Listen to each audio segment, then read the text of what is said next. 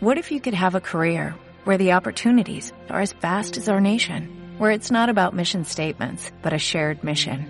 At U.S. Customs and Border Protection, we go beyond to protect more than borders, from ship to shore, air to ground, cities to local communities. CBP agents and officers are keeping people safe. Join U.S. Customs and Border Protection and go beyond for something far greater than yourself. Learn more at cbp.gov/careers. Bona tarda, la ràdio catalana perd una de les seves veus. Ha mort Josep Maria Francino.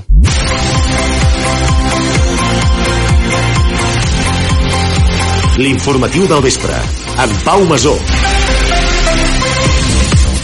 I que un amic de, de Terrassa que ja em coneixia eh, la meva dèria per la música, i, bueno, perquè més tenia un grup i tal, em va demanar que li fes un... Bueno, ara en diríem una crònica, però en dèiem que li expliqués com havia anat l'actuació dels Beatles, no? I jo vaig fer-ho en, en plan crònica, com aquell qui diu i bueno, esclar, el recorda el primer que vaig fer a la ràdio i que a partir de llavors no vaig parar mai més perquè encara no he parat, esclar així va començar Josep Maria Francino en el món radiofònic i així ho explicava en una de les últimes entrevistes que va fer a Radio Lot. Periodista de professió, Francino era l'actual president del Consell d'Administració i exdirector de Radio Lot. Després de tota una vida dedicada al món de la ràdio, qui va ser un dels impulsors de Catalunya Ràdio ens ha deixat aquesta tarda. Aquest informatiu estarà dedicat a ell amb continguts especials i entrevistes personalitzades que formen part de a les persones que formen part de totes les tecles que va tocant Josep Maria la ràdio, els Beatles i Puigpardines, on vivia des de feia més de 30 anys. De seguida arrenquem aquest homenatge a una de les grans veus i figures de la ràdio catalana. Avui és dimecres 1 de desembre del 2021. El dia té més actualitat que repassem en el sumari. El dia en 4 minuts. Aquests són els titulars més destacats, amb el suport de Bessols Energia.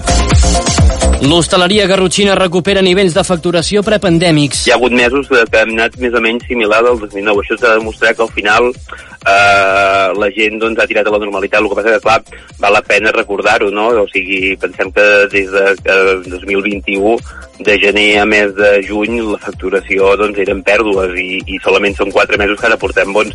És el president de l'Associació d'Hostalatge de la Garrotxa, Gerard Xifra, en declaracions a Radio Lot. Aquesta tardor, els establiments de la comarca han registrat nivells de facturació semblants al del 2019. La desaparició, la desaparició de les mesures anticovid i el retorn de festivals com Lluèrnia o la Fira Orígens han permès penjar el cartell de complet. El col·lectiu feminista La Dalla denuncia coaccions de la policia municipal d'Olot per unes pintades al 25N. Segons l'entitat, un agent del cos va presentar-se a casa una membre de l'entitat per identificar-la com a autora d'uns grafits que van aparèixer després de la manifestació que hi va haver dijous passat. Una de les portaveus del col·lectiu és Júlia Becerra. El que volem reivindicar és que el que no pot ser és que ens violin, ens agradeixin i ens diguin de tot pel carrer i no s'investigui mai, encara que a vegades ho denunciem i tot i així no s'investigui i que per fer unes pintades per la nostra autodefensa doncs s'investiguin tan poques hores. Nous reconeixements per la Garrotxa. La Generalitat ha concedit la Creu de Sant Jordi a l'Orotina Anna Navarro, l'empresària i la dona més influent en l'àmbit de la tecnologia l'any 2020. Rebrà un dels distintius més importants del país. De la Creu de Sant Jordi a les plaques i medalles President Macià. El Departament de Treball ha reconegut amb aquest guardó l'empresa Manxa i els garrotxins Josep Maria Noguer i Maria Rosa Almirall.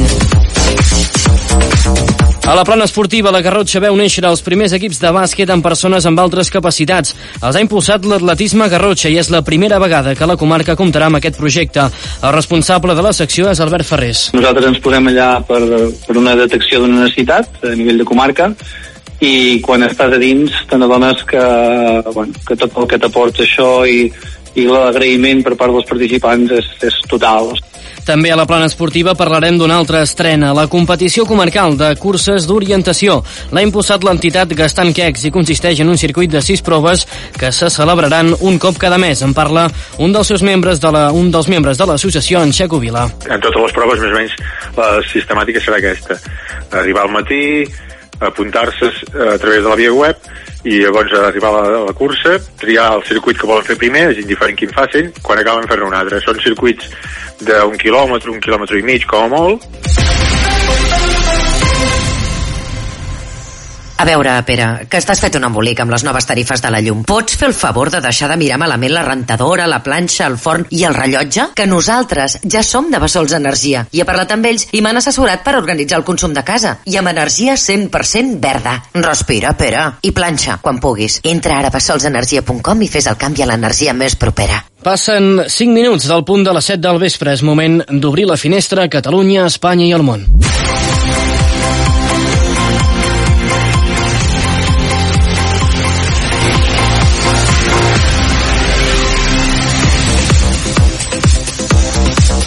Els contactes de persones contagiades amb la variant Omicron hauran de fer quarantena encara que estiguin vacunats. Salut demana acompanyar hospitals i els centres d'atenció primària només quan sigui imprescindible arran de la detecció de brots en centres.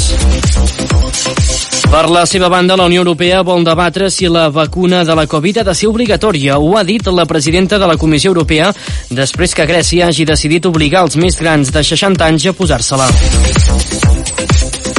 En política, la Moncloa espera que la reunió d'aquesta tarda amb Esquerra obri el camí per redreçar les relacions. L'executiu espanyol vol desvincular la llei de l'audiovisual dels pressupostos. En matèria econòmica, l'OCDE rebaixa més de dos punts fins al 4,5% la previsió de creixement de l'economia espanyola aquest any. El deute no baixarà per sota del 116% fins al 2023 i el dèficit estarà per sobre del 4% els pròxims dos anys. Avui també és notícia que un jutge conclou que el bailaor Rafael Amargo era el cap d'una xarxa de narcotràfic. Amargo seria el líder d'una organització que traficava amb estupefaents a través de mules que transportaven la droga a peu o en Uber. I confirmen la presència d'un llop a la vall d'Aran observat fa dues setmanes. El més probable és que es tracti d'un mascle que es mou per una extensió entre la vall de Benasc i el Parc Nacional d'Aigües Tortes.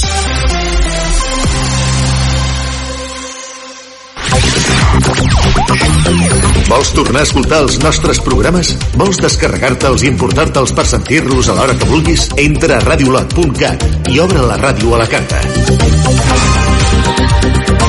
Els programes de la ràdio, a la teva disposició, ara i sempre. radiolot.cat, el teu referent.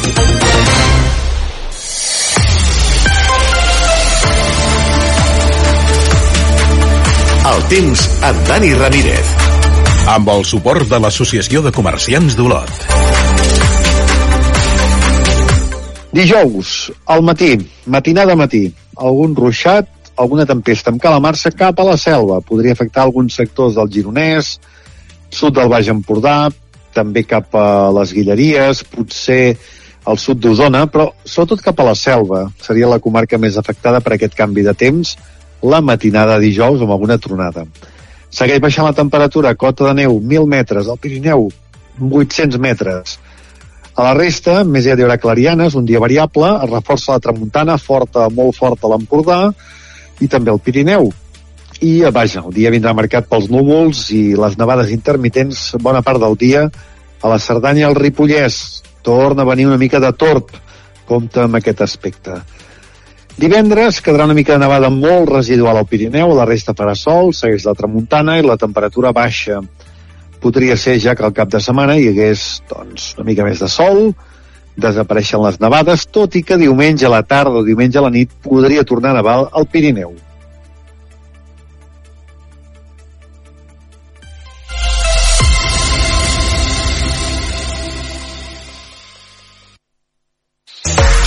Toca el producte. Emporta-te'l.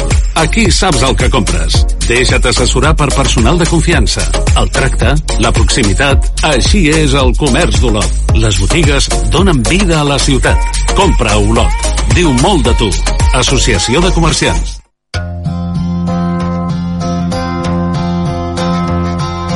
Yesterday All my troubles seem so far away Now it looks as though they're here to stay.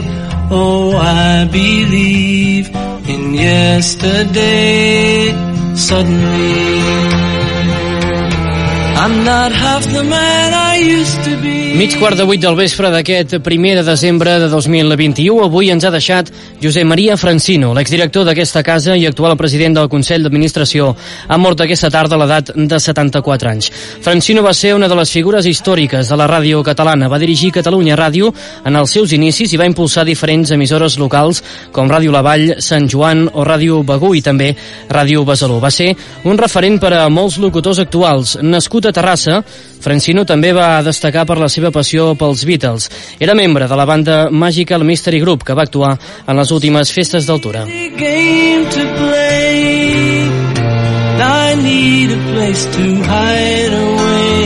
Oh, I believe in yesterday. Why she had to...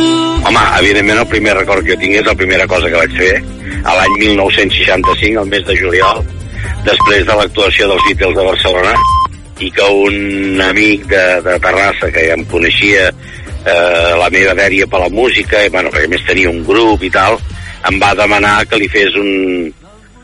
Bueno, ara en diríem una crònica, però en dèiem que li expliqués com havia anat l'actuació dels Beatles, no? I jo vaig fer-ho en, en plan crònica, com qui diu.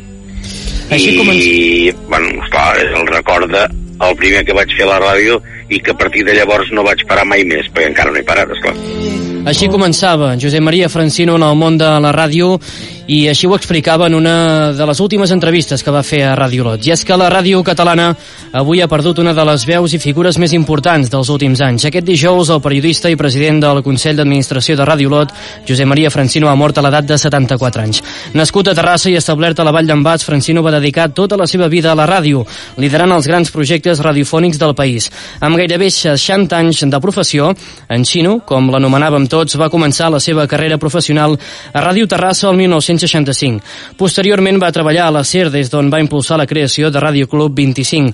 Més tard, el 1983, va fer el salt a la creació de les emissores de la Generalitat i va posar en marxa Catalunya Ràdio, sent un dels primers directors d'aquesta ràdio pública. Al cap de poc temps es va traslladar a viure a la Garrotxa. Aquí va ser director de Ràdio Lot des de 1984 al 1988, renovant totalment l'emissora amb grans èxits d'audiència. A aquesta casa hi va tornar com a president del Consell d'Administració de l'emissora l'any 2008 i fins a l'actualitat. Francino plantava llavors radiofòniques allà on trepitjava i és que també va ser director i impulsor de diferents ràdios locals com Ràdio La Vall, Ràdio Sant Joan, Ràdio Banyoles, Ràdio Besalú o Ràdio Begú. Del 1990 al 97 va ser director i cap de programes de Ràdio Nacional d'Espanya a Girona i Barcelona.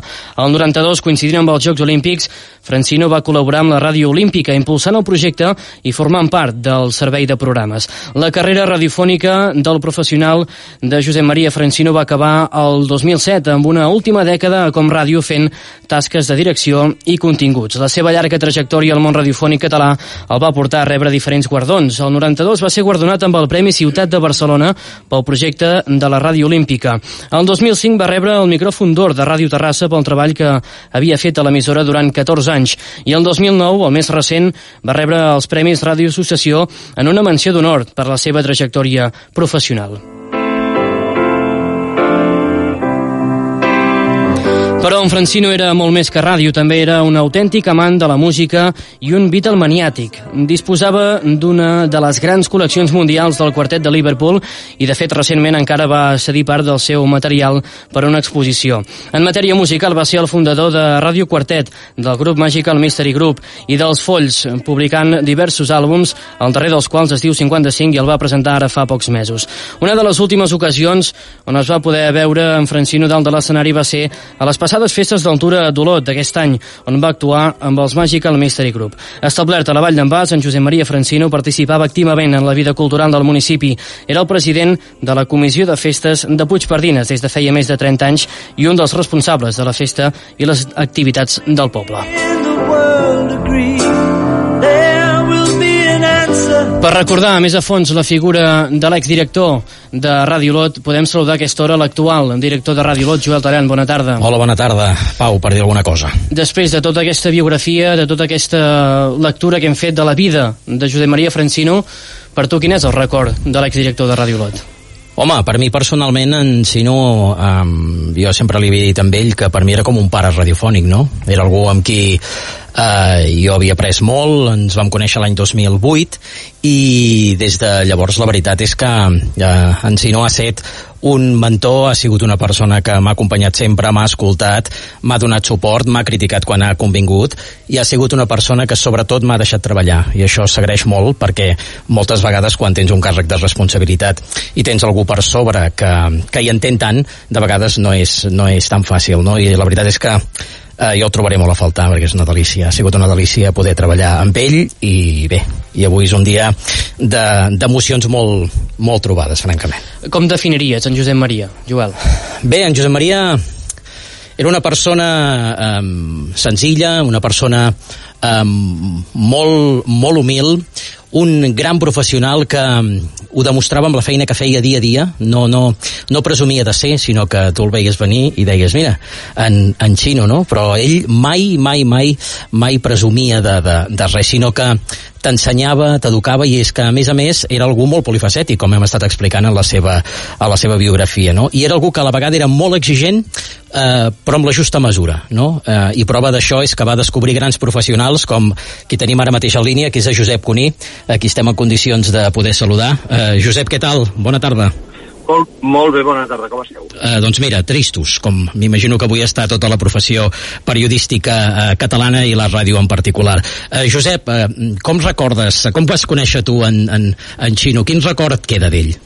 Mira, jo el vaig conèixer a Ràdio Terrassa eh, quan eh, jo vaig començar amb tota aquesta feinada feia alguns anys, eh, ja devia ser el 72, i ell en aquell moment estava treballant a Ràdio Terrassa, estava treballant a mitja jornada, perquè només a les tardes, perquè al matí treballava en, en, en, en una altra feina, eh, en una botiga que reparaven, recordo que aparells electrònics, en fi, eh, era realment una, una vivència molt interessant.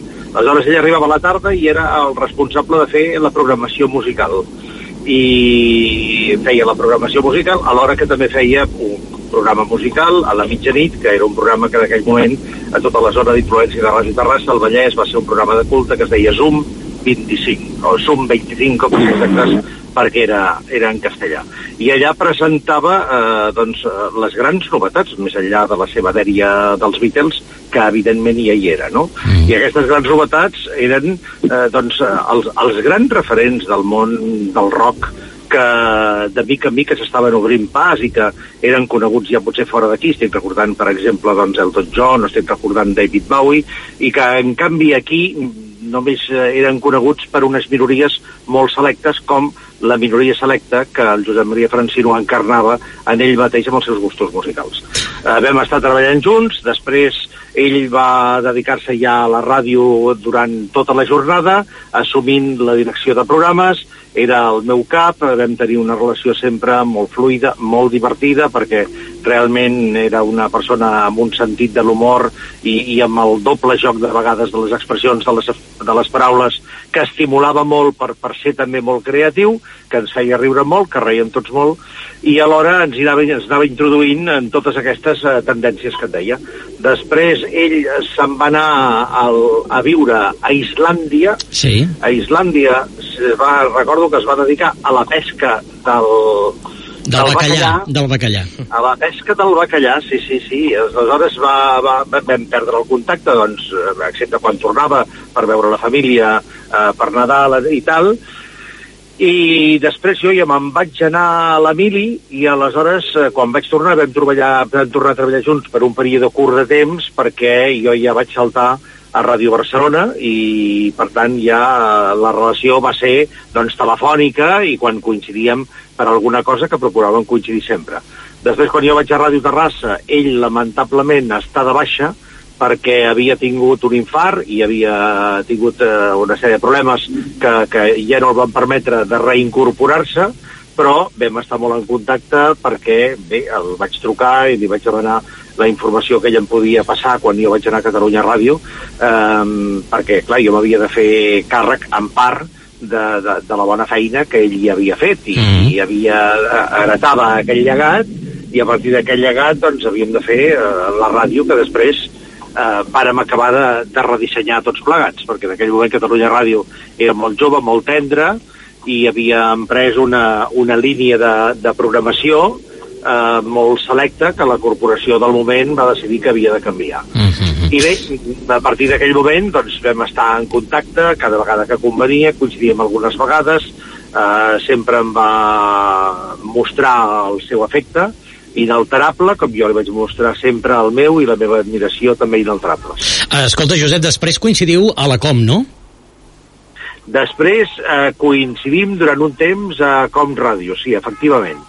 Um, encara que no coincidíem, diguem que en el, en el mateix, uh, en la mateixa feina, eh? Mm -hmm. però, però, però sí, vam coincidir en, en la Com, tangencialment, i després, bé, jo vaig seguir la seva trajectòria, ell seguia la meva, eh, m'enviava missatges eh, a través també de la, de la seva companya, que, que d'altra banda havia estat companya meva a Catalunya Ràdio també, i bé, vam, vam mantenir aquesta, aquesta relació. Perdona, però és que estic conduint i Sí, sí, ara ho una sentim, ho sentim. I està fent, està fent allò que vosaltres en dieu fressa. Ara, exactament. Escolta, Josep, I, um, i bé, i, i digues, digues, perdona. què creus que, que li deu la ràdio catalana amb en Josep Maria Franzino? Home, li deu uh, una gran capacitat creativa, li deu també una, un, un toc de modernitat. Jo crec que li deu un gran toc de modernitat, no? Uh, perquè a través dels seus gustos musicals i de les seves preferències i dels seus coneixements uh, la va anar obrint també en l'àmbit musical a uns estils que aquí mm, eren minoritaris, com t'apuntava abans. Però li deu sobretot a l'haver estat, bé, tu molt definies molt bé abans, eh, una persona que estava absolutament a sobre de tot allò que sonava, que feia les correccions que calia i que eh, tenia, com a mínim l'època amb la que vam treballar junts, aquell punt entre irònic i, i divertit, no?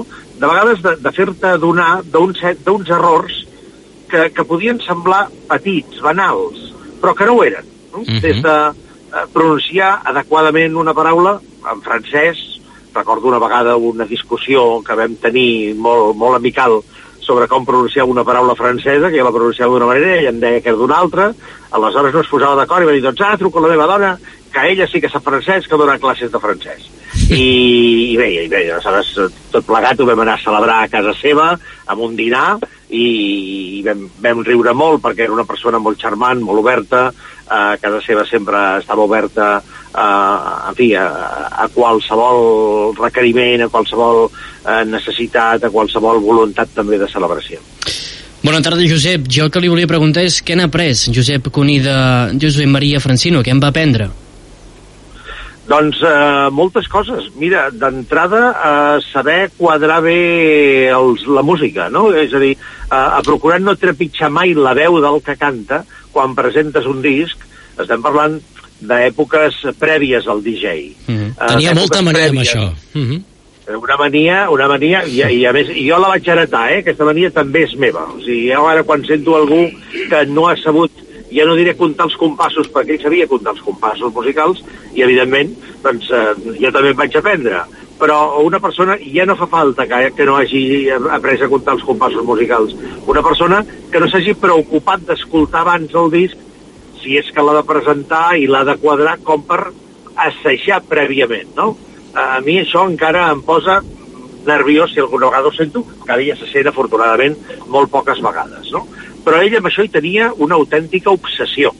I, i és una obsessió que, d'altra banda, des d'un punt de vista radiofònic, no és que sigui lògic, és que és natural, perquè eh, la música marca un ritme, una cadència sobre la qual, i això és escola molt antiga, de la que ell era un gran defensor, sobre la qual tu pots dir allò que has de dir sintetitzat per respectar la veu del cantant o per respectar, si no hi hagués cantant perquè fos un tema instrumental, el moment en què comença la tornada. Perquè si això ho trepitges de qualsevol manera, sense cap tipus de, de cura, vol dir que no estàs fent bé la teva feina. Exactament. I aquesta era l'obsessió del Josep Maria, que era I un tant. perfeccionista en aquest sentit. I tant que sí. Uh, la veritat és que quan portes anys presentant discos, o no tants anys, eh? Uh, sinó que això jo crec que és d'aquelles coses que fins i tot hauria de venir una mica innata si vols dedicar-te al món de la ràdio musical. Quan tu poses un disc, encara que no l'hagis escoltat prèviament, hi ha algun sentit en tu que t'indica que s'acosta el moment de cantar. No sé si estaràs d'acord amb mi, Josep.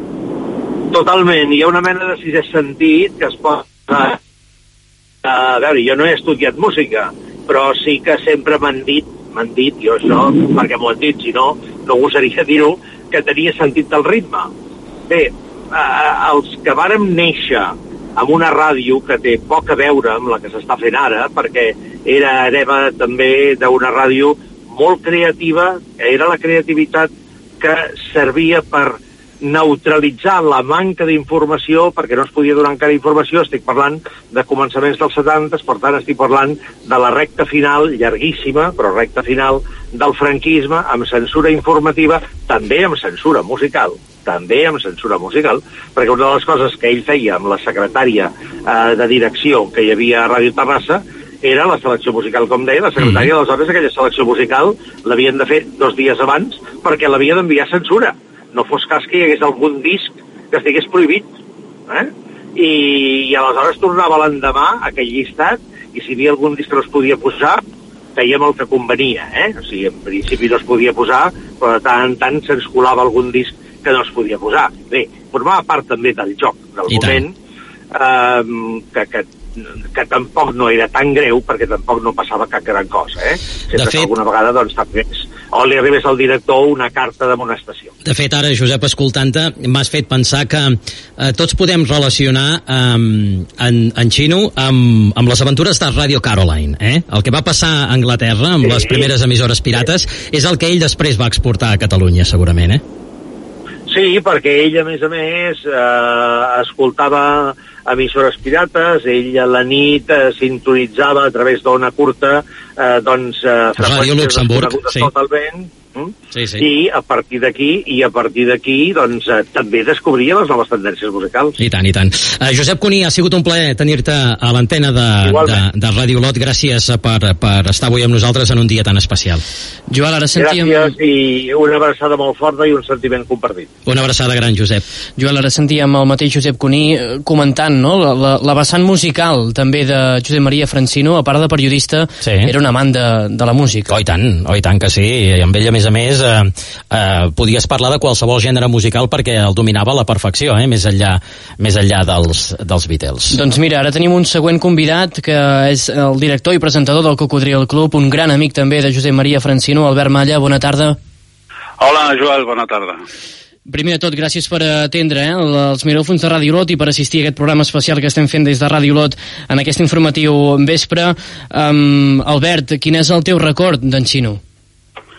Tots són records d'en Xino. Eh, a veure, jo el vaig conèixer l'any 76, va ser el meu primer cap de programes a Ràdio Terrassa i d'ell vaig aprendre moltíssim, quasi tot. Per exemple, el, el col·leccionisme, no? Ell em va fer entrar aquestes ganes de tenir coses que no té gairebé ningú, sobretot en aquell temps que no existia internet, no? I jo al·lucinava pepinillos quan a casa seva em posava pel·lícules de cine amb un projector de Super 8 mm, que no s'havien comercialitzat mai dels Beatles. Però és que després m'ensenyava postals que li enviava la Linda McCartney i per Nadal li felicitava el Happy Christmas, la mare de George Harrison. Clar, això, en aquell temps, t'estic parlant, doncs això, de la segona meitat dels anys 70. Deien Cuní que va aprendre a quadrar els discos, no? I això és una cosa que, que en Francino estava obsessionat i que, i que gràcies a ell ha hagut tota una escola que hem après a tenir sentit musical per no trepitjar un senyor quan canta, no? Eh, jo també vaig aprendre una cosa que encara faig en l'actualitat i és acomiadar les cançons, cosa que no fa tothom. Perquè ell diu, a veure, si algun oient s'incorpora a mitja cançó i li agrada aquella cançó, està esperant que a l'acabar tu recordis el títol i l'intèrpret, si tu no li dius, no localitzarà aquella cançó, no? Eh, bueno, i moltes altres coses. Es... Ell va ser el creador de Radio Club 25, que en el seu moment va trencar molts esquemes, perquè va ser la primera emissora exclusivament musical que donava un butlletí de notícies només musicals cada hora en punt. En un moment, insisteixo, que no hi havia internet i llavors, bueno, anàvem als quioscos de les Rambles perquè allà es rebien revistes musicals de l'estranger i d'allà traiem notícies, no? Uh -huh. I això que deia en Cuní de Radio Luxemburg, això, home, això segur que no, això no ho ha fet ningú. Ell a les nits tenia molta audiència perquè hi havia una gran població d'estudiants a Terrassa i ell feia el Zoom 25 i anava fent, però per una orella escoltava Radio Luxemburg que, que tenia un auricular connectat a un sintonitzador, no? El 1440 de l'ona mitjana, no era l'ona curta, com ha dit en Cuní. I llavors, quan el presentador de Ràdio Luxemburg presentava un disc que aquí no havia sortit, que eren la majoria, la majoria arribaven aquí tres o quatre mesos més tard, si arribaven, llavors ell tallava el que s'estava matent en antena en aquell moment i deia, en aquests moments, Joe no sé quantos ens presenta l'últim disc de George Harrison, pum, pujava volum a la taula de mescles i aquell home de Radio Luxemburg sortia com un col·laborador seu, no? Gran habilitat, gran habilitat. Espectacular, Espectacular. Sí. Escolta, Albert, ens quedem orfes, no? ens quedem molt orfes, perquè no hi ha ningú com ell. I jo no he conegut a ningú com ell, que a més, és que a més a més era, era bona persona, això s'ha de dir per davant de tot. I tant. I a més a més ens ho feia passar bé. Jo no m'ho he passat mai tan bé a la ràdio com amb ell. Tantes bromes, tantes rialles, tants sopars amb els companys. Bueno, què us he d'explicar a vosaltres que vau tenir el privilegi també de tenir-lo com a director, no? I tant, i tant que sí, com a director i, i fins a dia d'avui com a cap d'administració, eh, com a cap del Consell d'Administració, com a president del Consell d'Administració, diguem-ho bé, de, de Radio Lot, un home que, que ha portat molt a aquesta casa i que en moments molt difícils ha sabut eh, eh, aportar la serenor, la pau i sobretot eh, eh, la tranquil·litat que convenia per, per, per tirar endavant. Escolta, Albert, què farem amb el bé de Beatles? Mira, eh, és que abans, mm, al principi d'aquest informatiu, he comentat quan ell, diguem, que es va jubilar de Com Ràdio, no?, però no va deixar mai de fer ràdio, perquè jo li vaig proposar de seguir de fer a l'Envé de Beatles, que era recuperar un programa que ell feia als anys 70 a Ràdio Terrassa, eh? llavors en castellà, com bé de Beatles, i eh, el tenim al Cocodril des del 2009. Mm.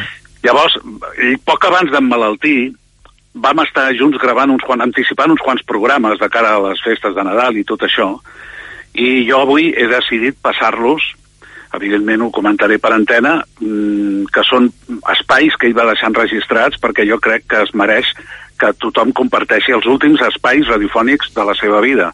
Mm, me'n queden 7 o 8 que encara no s'han emès, no? que ell em va anticipar i els emetrem pel CUCUC, que evidentment emet, emet Ràdio Olot. Per cert, nosaltres eh, demà i de, també després d'aquest de, informatiu eh, recuperarem una de les entrevistes que li van fer coincidint amb el Dia Mundial de la Ràdio, no explica tota la seva trajectòria i ho fa amb aquella gràcia i amb aquella ironia eh, tan seva. Albert, eh, sens dubte, perdem una gran figura del panorama radiofònic català, un gran amic i una persona especialment estimada per, per tothom. No sé si aquest any eh, tindrem el Christmas, el Christmas Beatles Beatles Show, o Beatles Christmas Show, perdó. Exacte, això també t'ho volia comentar, no el tindrem, perquè no li ha donat temps mm -hmm. de, de gravar-lo, no? Ell, mm, el Beatles Christmas Show és un programa que va començar a fer l'any 70 i que, per tant, en diferents, va començar a Ràdio Terrassa i després l'ha fet a les emissores que ha pogut, per allà on ha passat sí, ell, sí, no? Sí. I, i clar, l'any passat aquest programa va arribar als 50 anys en antena i malauradament es quedarà aquí. Però jo el que faré, que em sembla que ho tinc, és buscar un dels primers B de Beatles, concretament el B de Beatles de l'any que van assassinar John Lennon, el van matar el 8 de desembre i ell el 25 estava fent el programa, per tant encara era un moment molt emocionant i, i molt trist, i jo crec que és un bon moment per recuperar, que em sembla que el tinc, aquest, si no tot el programa sencer, que va durar dues hores, doncs un fragment de, de què deia en Francino, perquè aquest Beatles Christmas Show, ell cada any donava les notícies que havia generat aquell any els Beatles, no? Mm -hmm. I és curiós que fins l'any passat, 2020, ell sempre tenia notícies noves d'aquell mateix any sobre els Beatles, no? Mm. Albert, tu has parlat, i heu parlat molt amb en Xino de, dels Beatles, i hem dit que era un gran expert, però creus que hi havia algú que en sapigués més de Beatles que, que en, en Francino? Bueno, eh, mira, a Espanya, històricament, a Espanya es deia que els dos que en sabien més eren en Joaquín Luqui, de la SER, i ell. i ells eren amics i estaven en contacte, no? Però el Luqui sempre havia dit que el Francino tenia més coses. Perquè tu saps que sempre ha tingut un material pirata, Sí. ara és molt més fàcil trobar les coses, però hosti, és que als anys 70 i 80, que no existia internet, eh, hi havia un circuit de discos pirates dels Beatles, que jo no sé com ell s'hi va ficar, però li arribaven, però discos, eh, en vinil, eh? Vinils pirates del Japó, de la Xina de tot arreu, no? D'actuacions pirates, de gent que havia anat amb un casset a gravar un concert i coses d'aquestes, no? Eh, llavors, clar, el Luqui ens falta ja des de fa molts anys, per tant, des de que va marxar Joaquín Luqui, el més gran expert de, de l'estat espanyol, sens dubte era el Francino, i jo crec que és un dels que més saben de tot el món, perquè és que així se li ha reconegut a tot arreu, no? I tant que sí. Va, abans del Ringo Starr, eh, els Beatles van tenir de bateria el Pete Best, Mm. i el Pete Best fa uns 10 anys va venir, va venir per aquí, per Catalunya, i va estar vivint a casa seva. O sigui, Sí, sí. I el Gilberto Sullivan va gravar el Claire amb un magnetofon a casa seva. Exacte. Eh? A Hi ha casa una seva. foto que estan els dos, eh? Exactament, sí, sí, sí, sí totalment d'acord. I també en Freddie Mercury va, va ser entrevistat per en Francino quan els Queen van venir a Barcelona a finals de la dècada dels 70. Albert, no tenim eh, més temps perquè tenim més convidats, però si em permets un suggeriment, jo només t'ho deixo anar, perquè se m'ha acudit ara. Ara que estem en una època de canals, de que tots són canals de coses, potser estaria bé fer un canal a Spotify, per exemple, que es digués En ve de Beatles. Què et sembla? Em sembla una fantàstica idea. Jo encara no he pogut digerir, em sembla que em costarà bastant digerir que el xino no hi és, però quan estiguem una mica més tranquils, eh, hem de, hem de, sí, hem de fer-ho. Jo els tinc tots guardats des del 2009 i jo crec que valdria la pena deixar-ho a l'abast de tothom. I tant. Suposo que la seva dona, la Pilar, estaria d'acord. I tant, i tant que sí. Queda apuntada la proposta, Joel. Un petó gran, Albert. Bueno, un petó, i a més ho esteu fent molt bé, eh? Dubto que alguna emissora hagi dedicat un espai com el vostre a, al nostre amic de sempre, en Josep Maria Francino. Felicitats. En aquest aspecte ho esteu, ho esteu fent millor que ningú. És que no Espero, saps. no ho he vist, no he tingut temps, espero que TV3 es digni donar la notícia. Espero. Ho deixo anar, perquè no seria la primera vegada que s'obliden de segons quines personalitats quan marxen, eh? No saps com el trobarem a faltar, Albert. I tant, i tant, i tant. Eh? Albert Malla, moltíssimes gràcies per, eh, per estar amb nosaltres en aquest especial informatiu en record, en Josep Maria Francino. A vosaltres, una abraçada. Saludem a aquesta hora un dels grans amics també d'en Xino i membre dels Magical Mystery Group, un grup que va fundar en Josep Maria Francino i que de fet vam poder escoltar fa pocs dies, fa poques setmanes a les festes d'altura. Saludem Anton Torner, membre de, dels Magical. Torner, bon vespre. Hola, bon vespre. Hem estat escoltant molts testimonis radiofònics, més aviat de- d'en Xino, però també volíem escoltar aquells que vau estar al seu costat per l'afició que tenia amb els Beatles. Qui era, qui era per tu, en, en Xino? Bueno, Xino per mi, eh, com que tots dos som del mateix poble, de Terrassa, jo me'n recordo que, esclar, sóc una mica més jove que ell.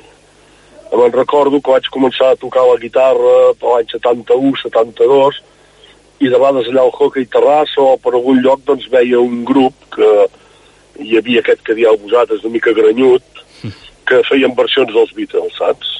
A part d'altres coses, però bàsicament molt dels Beatles i l'escoltaves per la ràdio i, esclar, al·lucinàvem nosaltres. La nostra colla al·lucinàvem molt perquè, collons, en sabien molt, saps? I, i, i, i, i bueno, a nivell musical, a nivell de coneixença, i així és com en Tallant diu que és el seu padrí radiofònic, eh, per mi és el meu padrí musical i més incurs, no? musical també, evidentment, eh? però més amb el tema de, de, dels Beatles, no? que és aquesta passió que ell ens va encomanar molt aquell temps i que ha perviscut. Mm -hmm. I pervisquent aquesta... Perdoneu, eh? Mm, Per, mm, si això perviu, perviu ell. O sigui, els Beatles va ind- indissolublement associat amb, amb ell. Deixem a part, que no es pot deixar a part, però vull dir que podíem parlar de l'amistat i tot això. Però tu em preguntaves pel, pel tema musical i, i, i bé, bueno, et podia explicar més coses, no? Per exemple, el Magical Mystery Group, ell el va fundar a Terrassa, jo ja no hi vivia a Terrassa, llavors a l'any 79 per, per participar en un concurs mm, van, van fer res, feia tres de bolos més, van plegar. Llavors, quan el Francino va venir aquí l'any 87 de director a Ràdio Lot, ens va trobar a mi i en Jordi Figueres, que també és un terrassenc afincat a la Garrotxa, més altres músics que havíem per aquí, que estàvem al Xocopà, el Rodon i així, vam refundar el Magical Mystery Group i vam poder, aquell any rememoraven el 25 aniversari del primer disc dels Beatles i aquí va començar una llarga relació amb ell eh, personal i musical i de disfrutar molt amb tot això. Mm -hmm. uh, clar, fins ara hem estat descobrint uh, com era uh, l'apartat radiofònic, no? com era com a professional en xino. Um, però, Ton, com era com a músic en Josep Maria Francino? Uh, bueno, Francino era un, era un músic molt intuitiu. Jo havia sentit també fent un, un grup que es deia Taranto a menjar el marram a la terrassa que feien Bob Dylan, per exemple, únicament. Uh, jo mm, eh, eh, té discos de bandes sonores composades per ell. O sigui, era un tio amb una gran cultura musical, Josep Maria. Josep Maria, a part dels Beatles, eh, no estava tancat a cap altre eh, ni grup eh, potent d'aquella època o dels que venien de, de les èpoques posteriors, sinó inclús d'estils musicals. Eh, no et diré el jazz, també. Mm -hmm. Mm. Uh, Ton, no sé si, no sé, Ton, si estaves al cas, però suposo que sí, perquè el mateix uh, Josep Maria es sorprenia no, de, del que diré ara. Uh, ell va fer un disc que, que tots recordareu, eh, aquells que, que, que sou més seguidors de la, de la música dels anys 80, ell va fer un disc que es deia, o que es diu Música per pel·lícules, que és, sí. un, que és un disc on a la portada es veu només la seva cara amb aquelles grenyes i aquella Sí. barba tan característica. És fet, fet el Bassam, Exactament, doncs... un artista que va estar també per aquí dalt, que feia aquest, aquest, aquest, real, aquest eh, no sé si és neorealisme, no? És, Sí, és com un retrato, però en dibuix. És una cosa acollonant, aquella, aquell, aquella portada, sí. Doncs eh, no sé si els oients ho sabran, en Josep Maria se sorprenia moltes vegades. Aquest disc mm. és un dels més buscats en aquest moment en la discografia en vinil de l'estat espanyol i aquelles persones, poques persones que tenim la sort de poder-ne tenir una còpia, la, sí. la conservem especialment perquè té un preu molt elevat a um, pàgines de col·leccionisme musical com pot ser discogs.com, que és una, és una gran base de dades d'una gran companyia americana i aquest disc està supervalorat, per tant, aquells que en tingueu una còpia, um, pel motiu que sigui, conserveu-la, perquè la veritat és que és un disc eh, No valorat. sabia que fos, que fos una raresa tan cotitzada i Doncs buscada, sí, sí. bàsicament. Sí, sí. Sí, sí. Uh, Ton, abans comentàvem que, que una de les últimes apari- aparicions públiques i de fet dalt de l'escenari de- d'en d'en Xino va ser justament ara aquestes últimes festes d'altura en el concert que vau fer a, a la plaça de, de Braus. Uh, com recordes aquell concert? Home, va ser collonut aquell concert. Tocar Olot sempre és fantàstic. No? Molta gent i... Molt bé, bueno, en tinc molt bon record. Uh, ja havíem fet una... Bueno, l'any l'any 20 vam haver de parar, tornàvem a arrencar una mica, Mm. vam poder també fer aquest estiu de l'Estartit del Beatles Weekend, del qual ell era un patrocinador i un fervorós col·laborador, i després quan vam poder fer l'U d'Olot vam dir, ostres, eh, eh, tocar aquí per festes Olot, doncs és... Eh, eh, nosaltres som olotins també, eh? Vull dir que eh, bueno, molt emocionant i bé, amb, amb molt bon rotllo amb la gent i, bueno, molt bé, molt bé, en tinc molt bon record i a més a més serà l'últim record, perquè ara nosaltres el mes que ve tenim, bueno, mes que ve no, aquest ja tenim a la nova Jazz Cava teníem eh, una actuació pendent allà, Mm. que ara veurem com ho muntem, eh, no, no vull avançar res, eh, però eh, s'haurà set a la darrera, o sigui, a part de que tocar Olot, aquest feeling que teníem amb la gent d'Olot és molt important, eh, a més a més, la recordarem com a darrera. Et puc garantir, Ton, que aquest concert a Olot amb en Francino li feia especial il·lusió, eh? Sí, sí, sí, sí, sí. Sí, sí, i tant, i tant. Per tant, escolta, va ser una gran actuació que segurament recordarem tots aquells que, que la varen poder veure. Jo, Ton, per acabar, et volia preguntar um, d'on creus que li surt eh, la vena Beatles uh, a en Francino? Hòstia, no ho sé, perquè el Francino, esclar, va néixer abans que nosaltres, és d'una feixa, no és d'una gen- ai, d'una feixa, és d'una generació anterior. Ell explicava molt bé en aquest programa que, clar, ells, esclar, ell devia, llavors devia tenir 15 anys, no sé, ara no em vull inventar l'edat, però ell va anar a veure els Beatles. Sí, l'any Que ja, 65. ja, ja li agradaven perquè ell diu que havia sentit un o dos anys el Twist and Shout i va quedar eh, electrocutat, no? I eh, quan van a veure els Beatles, eh, li van demanar per cobrir que, que, que cobrís aquesta eh, gent que ho coneixien d'aquí d'Olot, inclús a la ràdio, em sembla, si, si no hi he entès malament, i ella m'ho havia explicat, eh, però no sé si és ben bé certament al, al 100% així, li van demanar que fes com una crònica d'aquell concert. Sí, exacte. I, i, I jo crec que aquí arrenca... Bé, eh, bueno, és que jo que he estat a casa seva i he vist el material que arriba a tenir és que és, és, Una bogeria, eh? és, és, és, bueno, és increïble que això, doncs, bueno, jo crec que això mereix i segurament ja no em vull avançar, però ja ho heu dit vosaltres, vull dir que no és cap novetat, això anirà a parar a algun lloc perquè es pugui exposar i, i visitar. Que això sí que era una altra de les seves eh, grans il·lusions. Hauria estat fa molts anys una gran il·lusió poder-ho haver fet aquí a Olot, mm. no va ser possible i doncs ara es farà, segurament estava molt avançat, el Covid també ho havia parat i això esperem doncs que un altre tribu, un altre reducte que hi ha de maníacs a l'Estartit, amb un gran expert com és en Moreno i tota aquella gent, eh, penso que si no eh, això estava en marxa. Ja s'havia fet una exposició, eh, ara últimament, que es podia Bé, bueno, és visitar. que aquest, aquest, aquest, uh, aquest Beatles, uh, Beatles Weekend de l'Estartit ja portava una, una colla d'anys funcionant i ell cada any aportava part de la col·lecció, uh, portava convidats, portava... Uh, era, un, no, era una part important de, de l'organització d'aquest festival d'estiu. Aleshores, bé, eh, jo crec que amb tot això ell pervi, perviurà. Mhm. Per desgràcia, no, ell no hi serà físicament entre nosaltres, però el podem reviure sempre. La seva col·lecció el farà viure per, per sempre. Um, Ton Torner, amic i company d'en Josep Maria Francino als Magical Mystery Group, gràcies també per col·laborar i estar aquí en aquesta tarda, aquest vespre de record en Xino. Moltes gràcies a vosaltres, és un moment que no, encara no estic, no estic ben bé, no he aterrissat ben bé.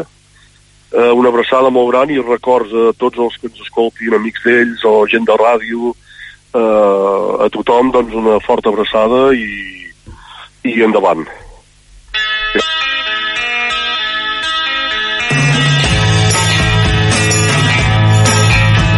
I think I'm gonna be sad.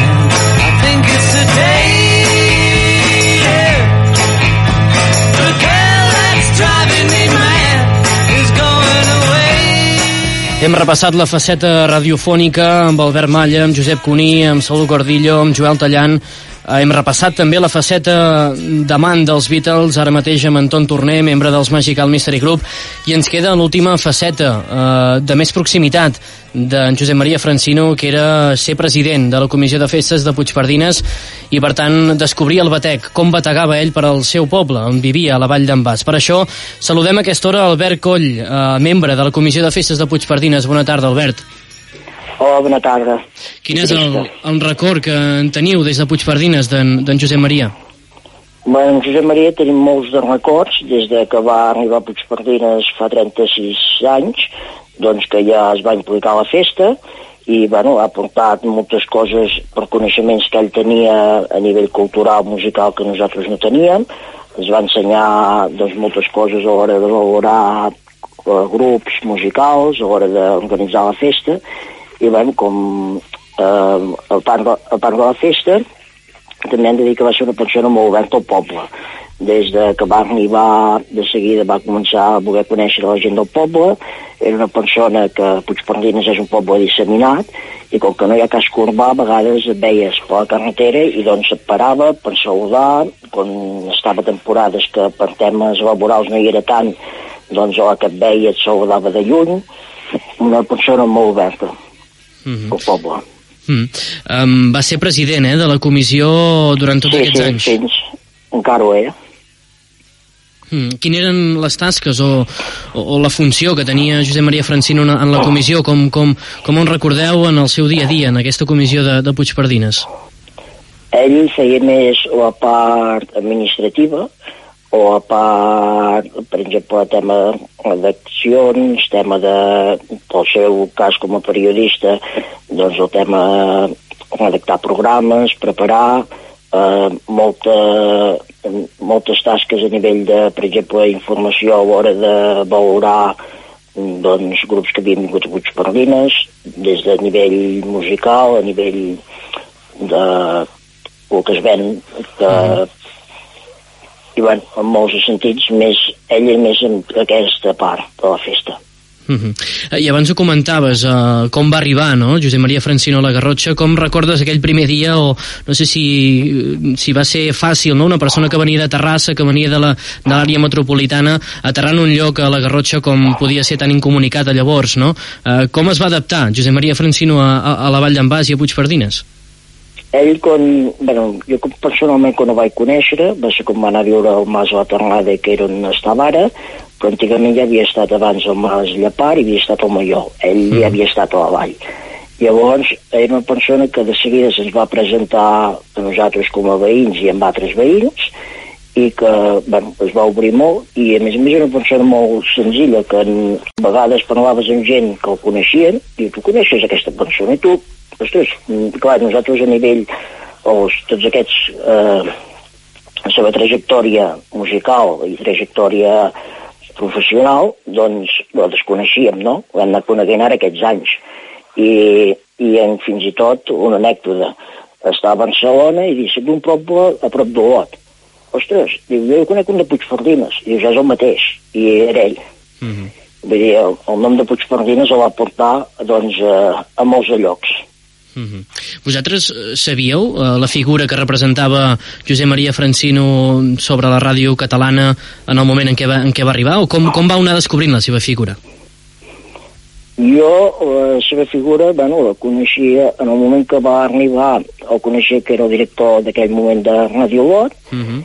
i a partir d'aquí vaig anar coneguent tota la seva trajectòria en aquests anys que hem estat convisquent i col·laborant amb la Festa Major i fins i tot eh, van, te l'has anat enterant de tot el seu l'has anat coneguent però quan el vam conèixer primer com a veí doncs no coneixíem, era una persona totalment anònima per nosaltres Mm -hmm. Albert Coll, membre de la Comissió de Festes de Puigpardines, gràcies també per fer-nos arribar aquest testimoni més proper d'on va viure durant molts anys, més de 30, Josep Maria Francino aquí al costat, a la Vall d'en Bas, a Puigpardines. Moltíssimes gràcies. Gràcies a vosaltres.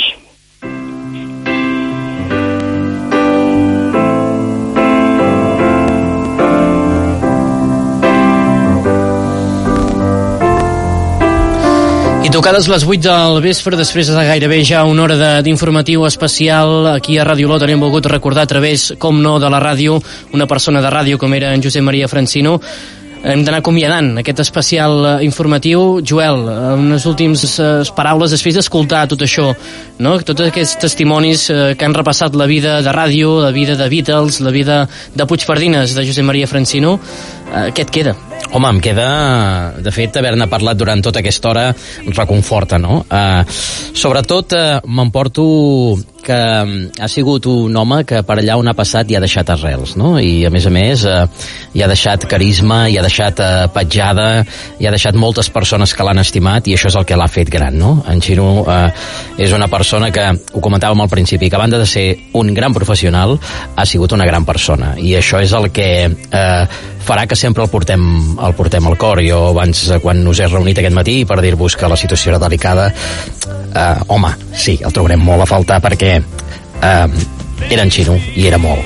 Per tant, jo crec que jo crec que avui la ràdio catalana està de dol i crec que eh, en Francino es mereix ser molt present cada vegada que els que ens dediquem a aquesta feina obrim el micro. I la ràdio d'alguna manera mantindrà l'empremta no, d'en de, Francino perquè sense ell segurament la ràdio no hauria arribat on ha arribat avui. Sense cap mena de dubte, en Joan Maria Francino era modernó, era frescor a la ràdio i el que ell sempre deia i el que ell moltes vegades es queixava és que estàvem repetint el model de tants anys enrere, de que no arriscàvem. I ell sempre ens, ens retreia que ens havíem d'arriscar, tot i ser conscient que arriscar-se tenia eh, de vegades conseqüències que no eren, que no eren eh, massa digeribles, no?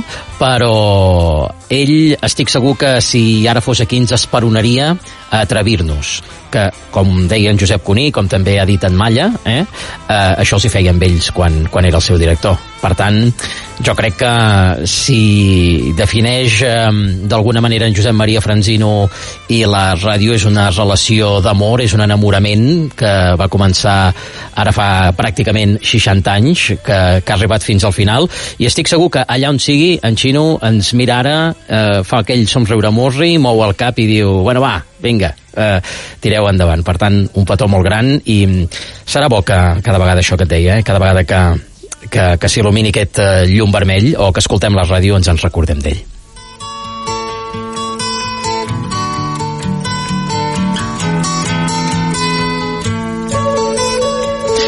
La ràdio sempre recordarà en Josep Maria Francino per tota l'empremta que, que va deixar i com ho dèiem ara amb en Joel, sens dubte sense ell avui aquí segurament seria molt, molt diferent i la ràdio catalana no seria el mateix. Ni molt menys. Amb, amb aquesta cançó dels Beatles, com no podia ser, acabem aquest eh, recordatori d'en Josep Maria Francino d'en Xino, l'exdirector de, de Ràdio Lot i que era actual president del Consell d'Administració d'aquesta casa. Joel, moltíssimes gràcies també per acompanyar-nos. Nosaltres seguirem amb un informatiu vespre i també seguirem sempre amb en Xino en els nostres cors. Moltíssimes gràcies. Here comes the sun.